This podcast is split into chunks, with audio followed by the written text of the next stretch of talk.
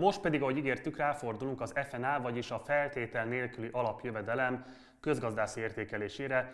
Ebben első vendégünk most Bütül Ferenc, a Párbeszéd pártalapítványának, a Megújuló Magyarországért Alapítványnak a kuratóriumi elnöke, közgazdász. Szervusz Feri, üdvözöllek a műsorban! Szervusz, üdvözlöm a nézőket!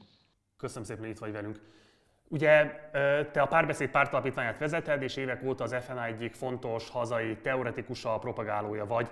Ezekben a letekben gyakorlatilag egymást érik a bejelentések a különböző nemzeti kormányok részéről, miszerint valamilyen alapjövedelem-szerű készpénz juttatást adnak a polgárai kezébe, ha csak néhány hónapra is átmeneti jelleggel, hogy enyhítsék a válság, a válság következményeit. Ugye a párbeszéd a parlamentben minimum jövedelem bevezetését követelte. Mi a különbség az FNA és a minimum jövedelem között?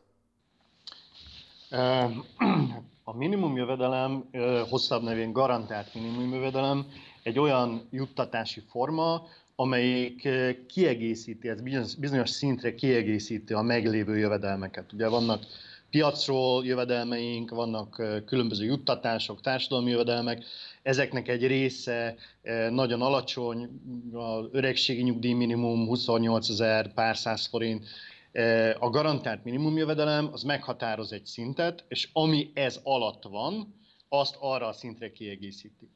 Most a feltétel nélküli alapjövedelem az egy, egy, egy más filozófián alapuló rendszer. A feltétel nélküli alapjövedelem mindenki számára, ugye a nevéből is következően, feltétel nélkül, mindenki számára egy valamilyen meghatározott szintű állampolgári jogon járó juttatást biztosít nem kiegészít alacsony jövedelmeket, ez bizonyos szintre, hanem mindenki számára valamilyen meghatározott jövedelmet pluszként a meglévő jövedelmeihez hozzáadódóan biztosít. Ez hány évért érintene Magyarországon, és nagyságrendileg mekkora költségvetési tételt jelentene? Van erről bármilyen számításotok? Hát van számítás, ugye ezeket a számításokat évről évre kellene frissíteni. Itt van egy kis restanciánk. 2020-ban még nem készült el ennek a frissítése. A, a párbeszéd által, illetve az a pártalapítvány által kidolgozott koncepció alapján ez egy több ezer milliárdos tétel, és és hát, hogyha feltétlenül alapjövedelem, akkor gyakorlatilag ez mindenkit, ez minden magyar állampolgárt érint. Nem ugyanabban a, nem ugyanabban a keretrendszerben, ugye az nem kikötés, hogy a feltétlen nélkül alapjövedelem különböző népességcsoportoknak pontosan ugyanazt az összeget adja.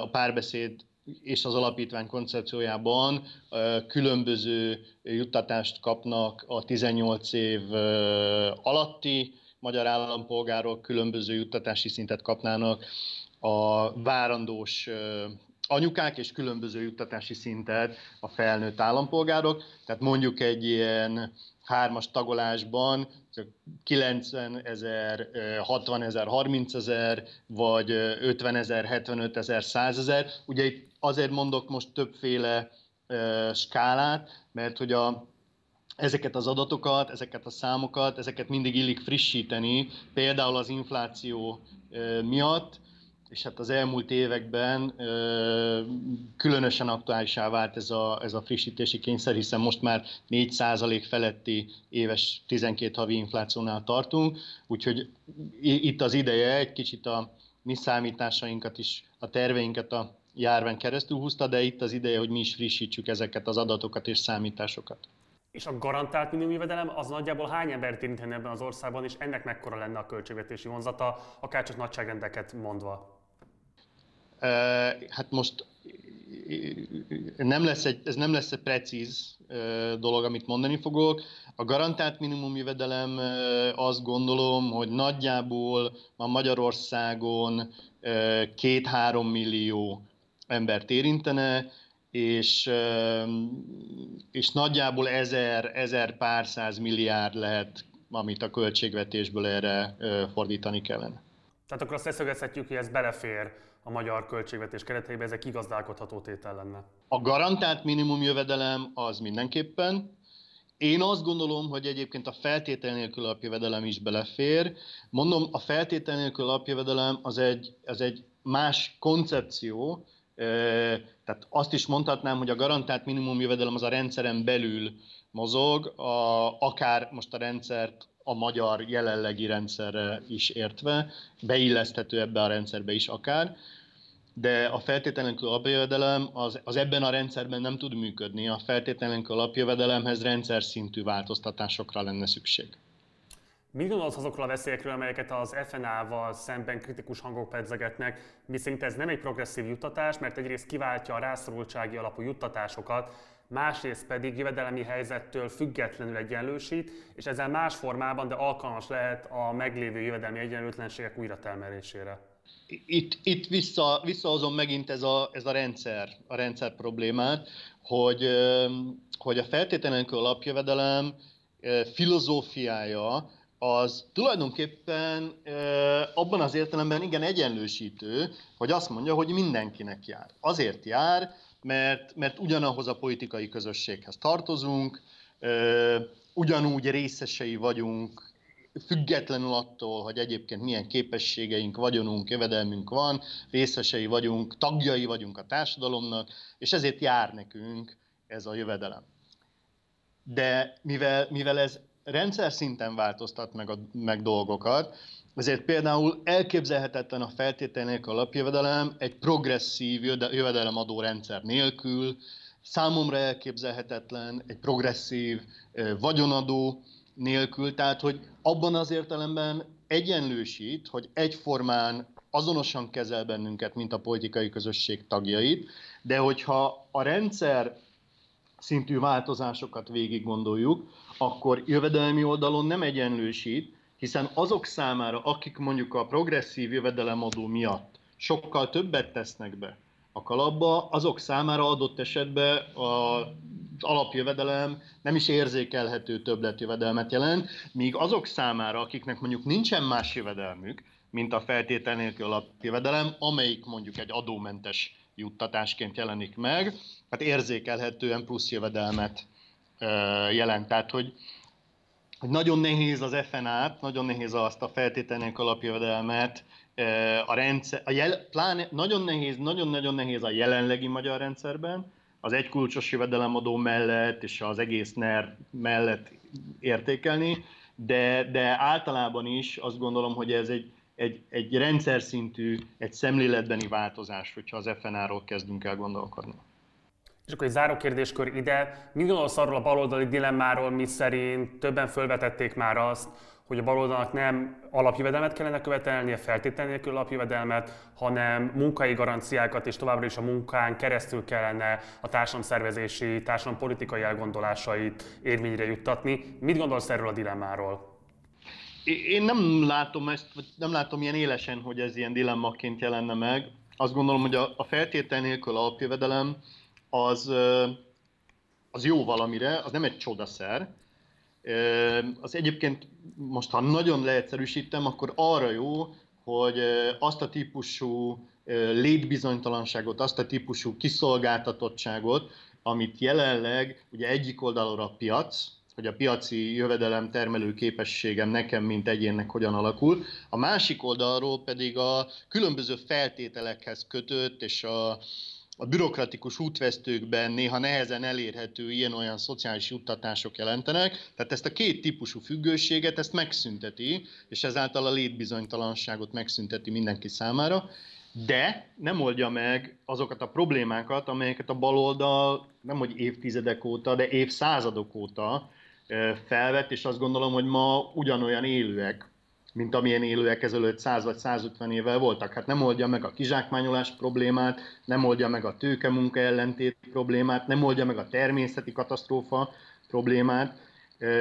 Egy csomó mindent nem old meg, nem tekinthetünk el azoktól a lépésektől és azoktól a, az egyéb eszközöktől, amelyek általánosan a baloldali problémákra vagy kérdésfelvetésekre reflektálnak. Tehát például munkástulajdon, közösségi gazdaság, stb. stb.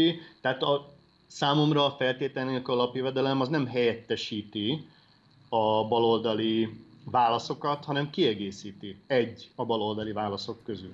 Ugye a Mérce oldalán publikált el egy négy részes cikksorozatot a Válság anatómiája címmel.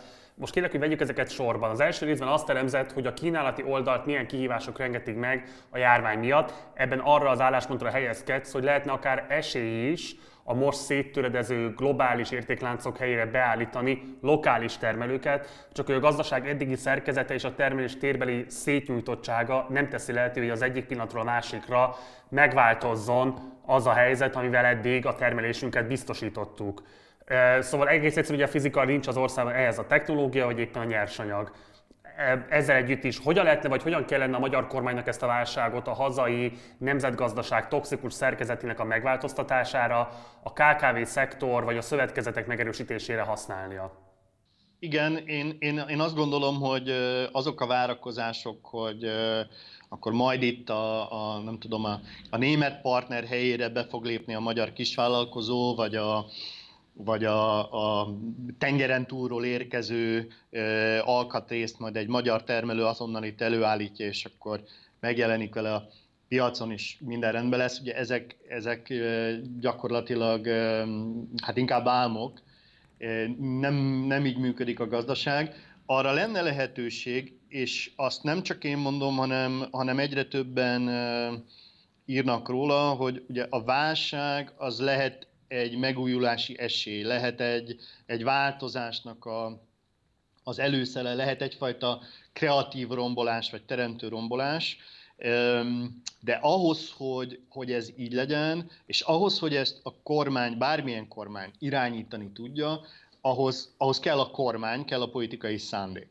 Most én azt látom, hogy a magyar kormányt nagyon erősen meghatározza az elmúlt tíz év. Itt olyan, olyan, olyan ideológiai cölöpök vannak leverve, és olyan tabuk vannak ebből következően, amik én azt gondolom, hogy nem teszik lehetővé azt, hogy a magyar kormány hát abban, a, abban az irányba, vagy abban az irányba fordítsa a hazai termelési szerkezetet, amit amit én is mondok, meg sokan mondunk, a helyi gazdaság megerősítése, a közösségi gazdaság, szolidáris gazdaság megerősítése, egyszerűen nem fér bele neki ez, a, ez az irány. Tehát a magyar kormány arra képes, és ezt egyébként a, a gazdaságvédelmi vagy a válságkezelési program is mutatja, hogy, hogy elsősorban arra tud koncentrálni, hogy a NERT, mint olyat megerősítse, a NER-ben résztvevő gazdasági szereplőket, vállalatokat, vállalkozókat megmentse, és nincsenek, nincsenek antennái, és nincsen, nincsen nyitottság arra, ami ezen túlmutat.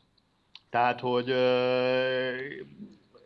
hogy mondjam, a, a, ha visszagondolunk, és e, mindenki tanulta a történelemből, hogy a 1929-33-as világválság amihez most már méreteiben ezt a válságot hasonlítani tudjuk, hogy a világválság után annak idején ugye Roosevelt elnök kezdeményezésére, hogy az Egyesült Államok belindul a New Deal. A New Deal az egy, az egy gondolkodásbeli változásnak volt a következménye, de ahhoz kellett, ahhoz kellett Roosevelt, és ahhoz kellett egy, egy olyan amerikai politikai elit, amelyik képes volt változtatni azon a politikán, amit egyébként akár csak egy évvel azelőtt, vagy két évvel azelőtt még az akkori politikai elit, a korábbi elnök és annak az adminisztrációja vitt.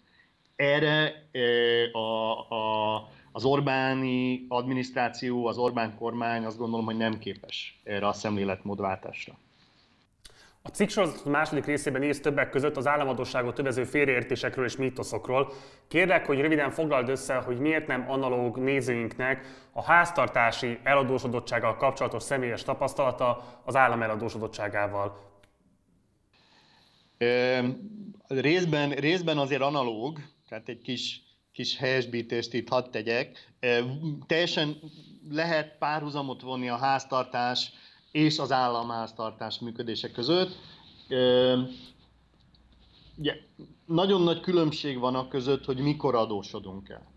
Azt mondják a közgazdászok, és ezt úgy hívják, hogy anticiklikus gazdaságpolitika, hogy ha válság van, hogyha rossz idők vannak, akkor el lehet adósodni, mert hogy a tapasztalat, az évszázados tapasztalat az, hogy, hogy úgy működik a tőkés magántulajdonon alapuló gazdaság, a kapitalizmus, hogy válságot, követi egy növekedési periódus, amelyik eltart valameddig, aztán utána következik egy újabb válság, aztán utána egy újabb növekedési periódus. Tehát ilyen ciklusos mozgása van ennek az egésznek, amiben élünk, és ha ez igaz, már pedig mondom, a évszázados tapasztalat azt mutatja, hogy igaz, akkor rossz időkben, válság idején a plusz költekezéshez lehet eladósodni, amit majd vissza lehet fizetni, amit meg lehet takarítani, amikor a jó idők jönnek, és nem kell félni attól, hogy jönnek-e vajon a jó idők, mert a tapasztalat azt mutatja, még egyszer mondom, hogy a válságperiódus után egy növekedési időszak jön. Tehát ebben az értelemben akár a háztartás példát is hozhatjuk, hogy ha én adott pillanatban munkanélkülévé válok, akkor ha lehetőségem van, mert egyébként a feltételek adottak, akkor kölcsönkérhetek, bár a bankok nem nagyon adnak szívesen munkanélkülieknek eh, kölcsön, de mondjuk a rokonoktól vagy a családtagoktól, ha kölcsönkérek, akkor ezt tudom használni, ezt a kölcsönösszeget a megélhetésem finanszírozására, amit majd meg fogok adni akkor, amikor elmúlt a válság, és újra munkába állok, és újra fizetésem lesz. Tehát ezt az állam is használni tudja, ezt a, ezt a hogy az analógiában mutatott technikát. Itt egy fontos dologra szeretném felhívni a figyelmet, hogy ugye ugyanúgy, ahogy egyébként egyéni szinten vagy háztartási szinten is, ha el akarunk adósodni, akkor azért először a rokonokat, barátokat, családtagokat kérdezzük meg, hogy nincs-e kölcsön, kölcsönadandó, kölcsönvehető pénz. Ugyanúgy ugye az államnak is olyasmit kellene találni, amit nem terhel kamat. Mert ugye mi magánemberként azért fordulunk elsősorban a rokonok, barátok, eh, családtagok felé, mert ők általában kamatmentesen adnak nekünk kölcsön. Ugye ha az állam a tőkepiacon kér kölcsönt, államkötvényeket bocsát ki, azért kamatot kell fizetni. Most ez a fajta finanszírozás, ez egy hosszú távú terhet ró az államháztartásra, illetve közvetve ugye minnyájunkra, mint adófizetőkre, hiszen a mindenkori bevételekből plusz kiadás van, kamatot kell fizetni. De ha, de ha egy közelállótól, hogyha egy rokontól tudna kölcsön kérni a kormány, az állam, akkor talán ezt meg lehetne tenni a kamatfizetési teher nélkül, és erre mondják azt a közgazdászok, többen ma már Magyarországon is, hogy a jegybanknak, a Magyar Nemzeti Banknak kellene biztosítania azt a pénzt, kellene akár megvásárolnia kamatmentesen újonnan kibocsátott államkötvényeket, tehát a Magyar Nemzeti Banknak kellene biztosítani azt a kölcsönt, amit a többlet kiadások finanszírozására az állam használhatna, így, így is növekedne a tartozás, de ez a tartozás, ez legalább kamatmentes tartozás lenne, nem terhelni a kamatfizetés a jövőbeni költségvetési kiadásokat. Az előző kérdés tovább gondolva, ugye a cikk sorozatot harmadik részében a jegybank válságkezelésben elvárható szerepéről, illetve a Magyar Jegybank saját szerepfelfogásáról írsz. Nagyon leegyszerűsítve kárhoztatod a Matolcsi féle vezetést, mondván, hogy túlzóan expanzív, vagyis kereslet növelő volt, mert ezzel tudta a kormánynak azt a célkitűzését szolgálni, hogy a magyar növekedés az EU átlaga felett legyen. Próbálj elmagyarázni nekünk kérlek, hogy mi ezzel a probléma, és mik azok a következményei ennek a monetáris politikának, ami szerinted most majd a válság során fogja igazán megbosszulni magát? Ez két okból, két okból kárhoztatható az elmúlt éveknek a, a jegybanki politikája. Az egyik az az, hogy, hogy ennek a, a monetáris lazaságnak, a növekedést ösztönző monetáris lazaságnak, hát megvolt az ára, és ez pedig a forint árfolyamának a gyengülése, illetve az elmúlt években tapasztalt infláció emelkedés. Ezek összefüggnek egyébként, az árfolyam gyengülés és az infláció emelkedés, de hogy, hogy ez a, a, a túlzott növekedés, tehát a túlerőltetett növekedés, az jár ilyen következményekkel. Ha nem jött volna most a válság, és tovább folytatódik az MNB-nek ez a nagyon laza monetáris politikája, akkor láttuk volna, ahogy 2020-ban, 2021-ben ez még gyengébb forintot és még, még magasabb inflációt eredményezett volna. Például azért, mert ugye a másik oldalon a termelési kapacitások azok már 100%-ra voltak járatva, már nem nagyon volt hová tovább növelni a termelést, ugye elfogyott a munkaerő, stb. stb. Tehát az egyik, egyik probléma ezzel a laza monetáris politikával, mondom, az árfolyam gyengülés és az árak emelkedése volt a másik, az, ami, ami jelenleg adódik, hogy, hogy elfogytak az eszközök.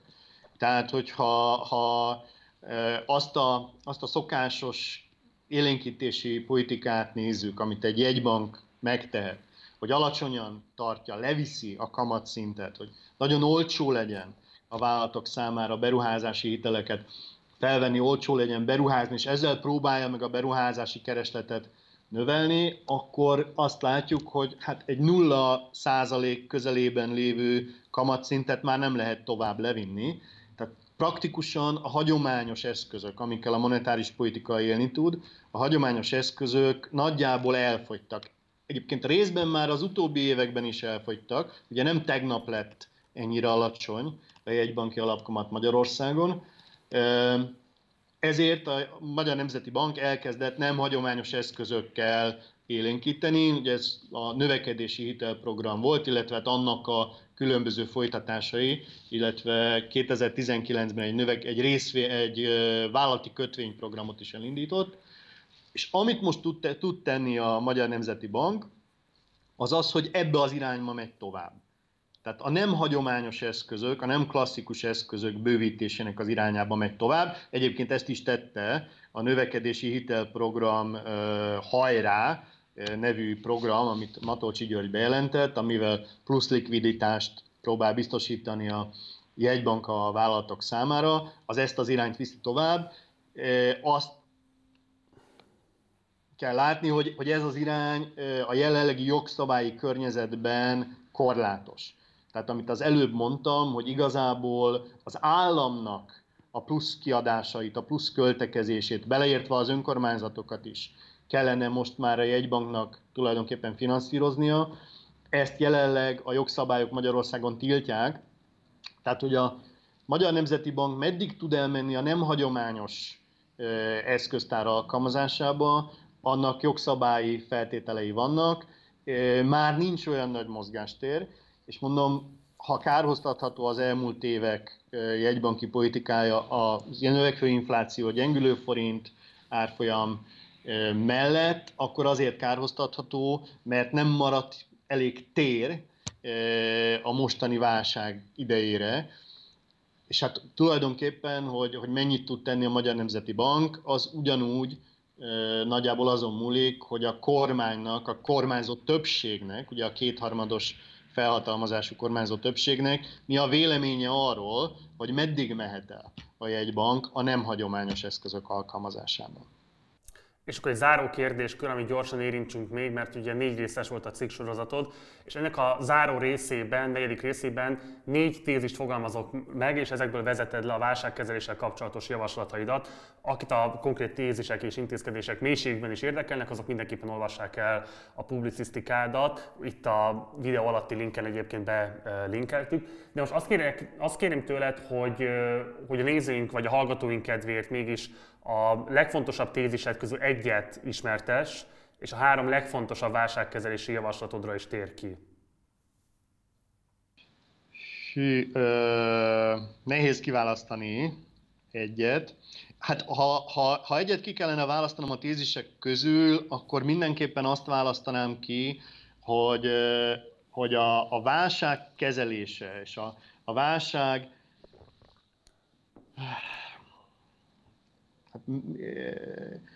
hogy minél kevésbé forduljon át e, szociális válságba, társadalmi válságba, akár politikai válságba.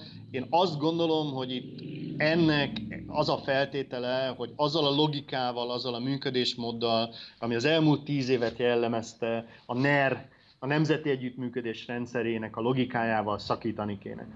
Tehát a, egyszerűen a, a nemzeti együttműködés rendszerében, amelyik a, a, a, a kiválasztott kevesek számára e, a az eredeti tőkefelhalmozást lehetővé teszi a közös pénzekből, az EU-s forrásokból, abból a növekedési többletből, amit a világgazdasági konjunktúra biztosított.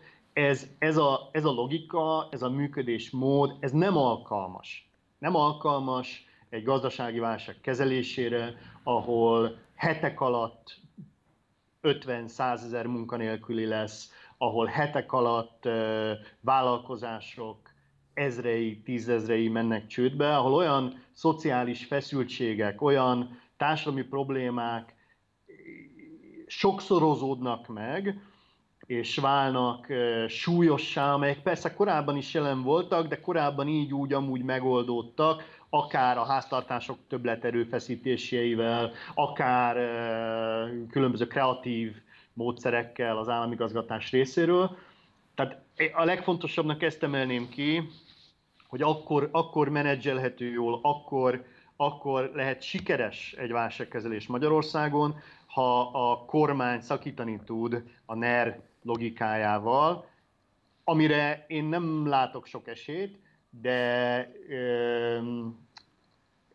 de abban az értelemben bízom benne, ami ellenzéki oldalról furcsán hangzik, hogyha ennek, ennek eh, nincs realitása, hogyha ennek nincs esélye, akkor nagyon sokak számára nagyon rossz lesz az élet Magyarországon a következő fél egy évben, és, eh, és felelősen azt gondolom, hogy nem lehet azt kívánni, hogy nagyon sokak számára nagyon rossz legyen az élet Magyarországon a következő eh, időszakban, úgyhogy én inkább azt kívánom, hogy a kormány szakítani tudjon a korábbi működési logikájával. Hogyha gyorsan még egy pár pontot mondhatok, akkor amit kiemelnék, ami nem hangzott még el, talán az az, hogy a munkahelyek megmentése, és ez most már kamarák és gyáriparosok és mindenki mondja, hogy a jelenlegi válságkezelő tervben, amit erre, amit erre a kormány mond, hogy hogy lehet ezt, vagy hogy akar ő ezt segíteni, az nem elégséges, az nem működik, az nem jó. Többnyire egyetértés van a között, abban is a közgazdászok között, hogy a munkanélküliségi segély, ugye Magyarországon álláskeresési járadéknak hívják, időtartama az mindenképpen meghosszabbításra kéne, hogy kerüljön, nem, ér, nem fog véget érni ez a válság három hónap alatt, a jelenlegi járadék, a jogosultsági idő az három hónap, ez nem fog menni, és nagyon sokan mondják, többek között itt a későbbiekben majd megszólaló Róna Péter is, hogy, hogy át kell gondolni az állami költésnek a szerkezetét, és hogy itt lenne az ideje, hogy, hogy egy, egy zöld beruházási fordulat, egy zöld New Deal, egy, egy humántőke alapú beruházási fordulat Magyarországon létrejöjjön, és hogy a, a stadionok vagy a beton helyét át kéne, hogy vegye a zöld gazdaság, a megújuló energia, az oktatás, az egészségügy, a, ezok a területek, amelyek a, a, a hosszú távú növekedést és a, hát hogy mondjam, a, az emberközpontú és demokratikus növekedést tudják szolgálni Magyarországon. Feri, nagyon szépen köszönöm, hogy rendelkezésünkre álltál, és köszönöm szépen, hogy mindezt elmondtad nekünk.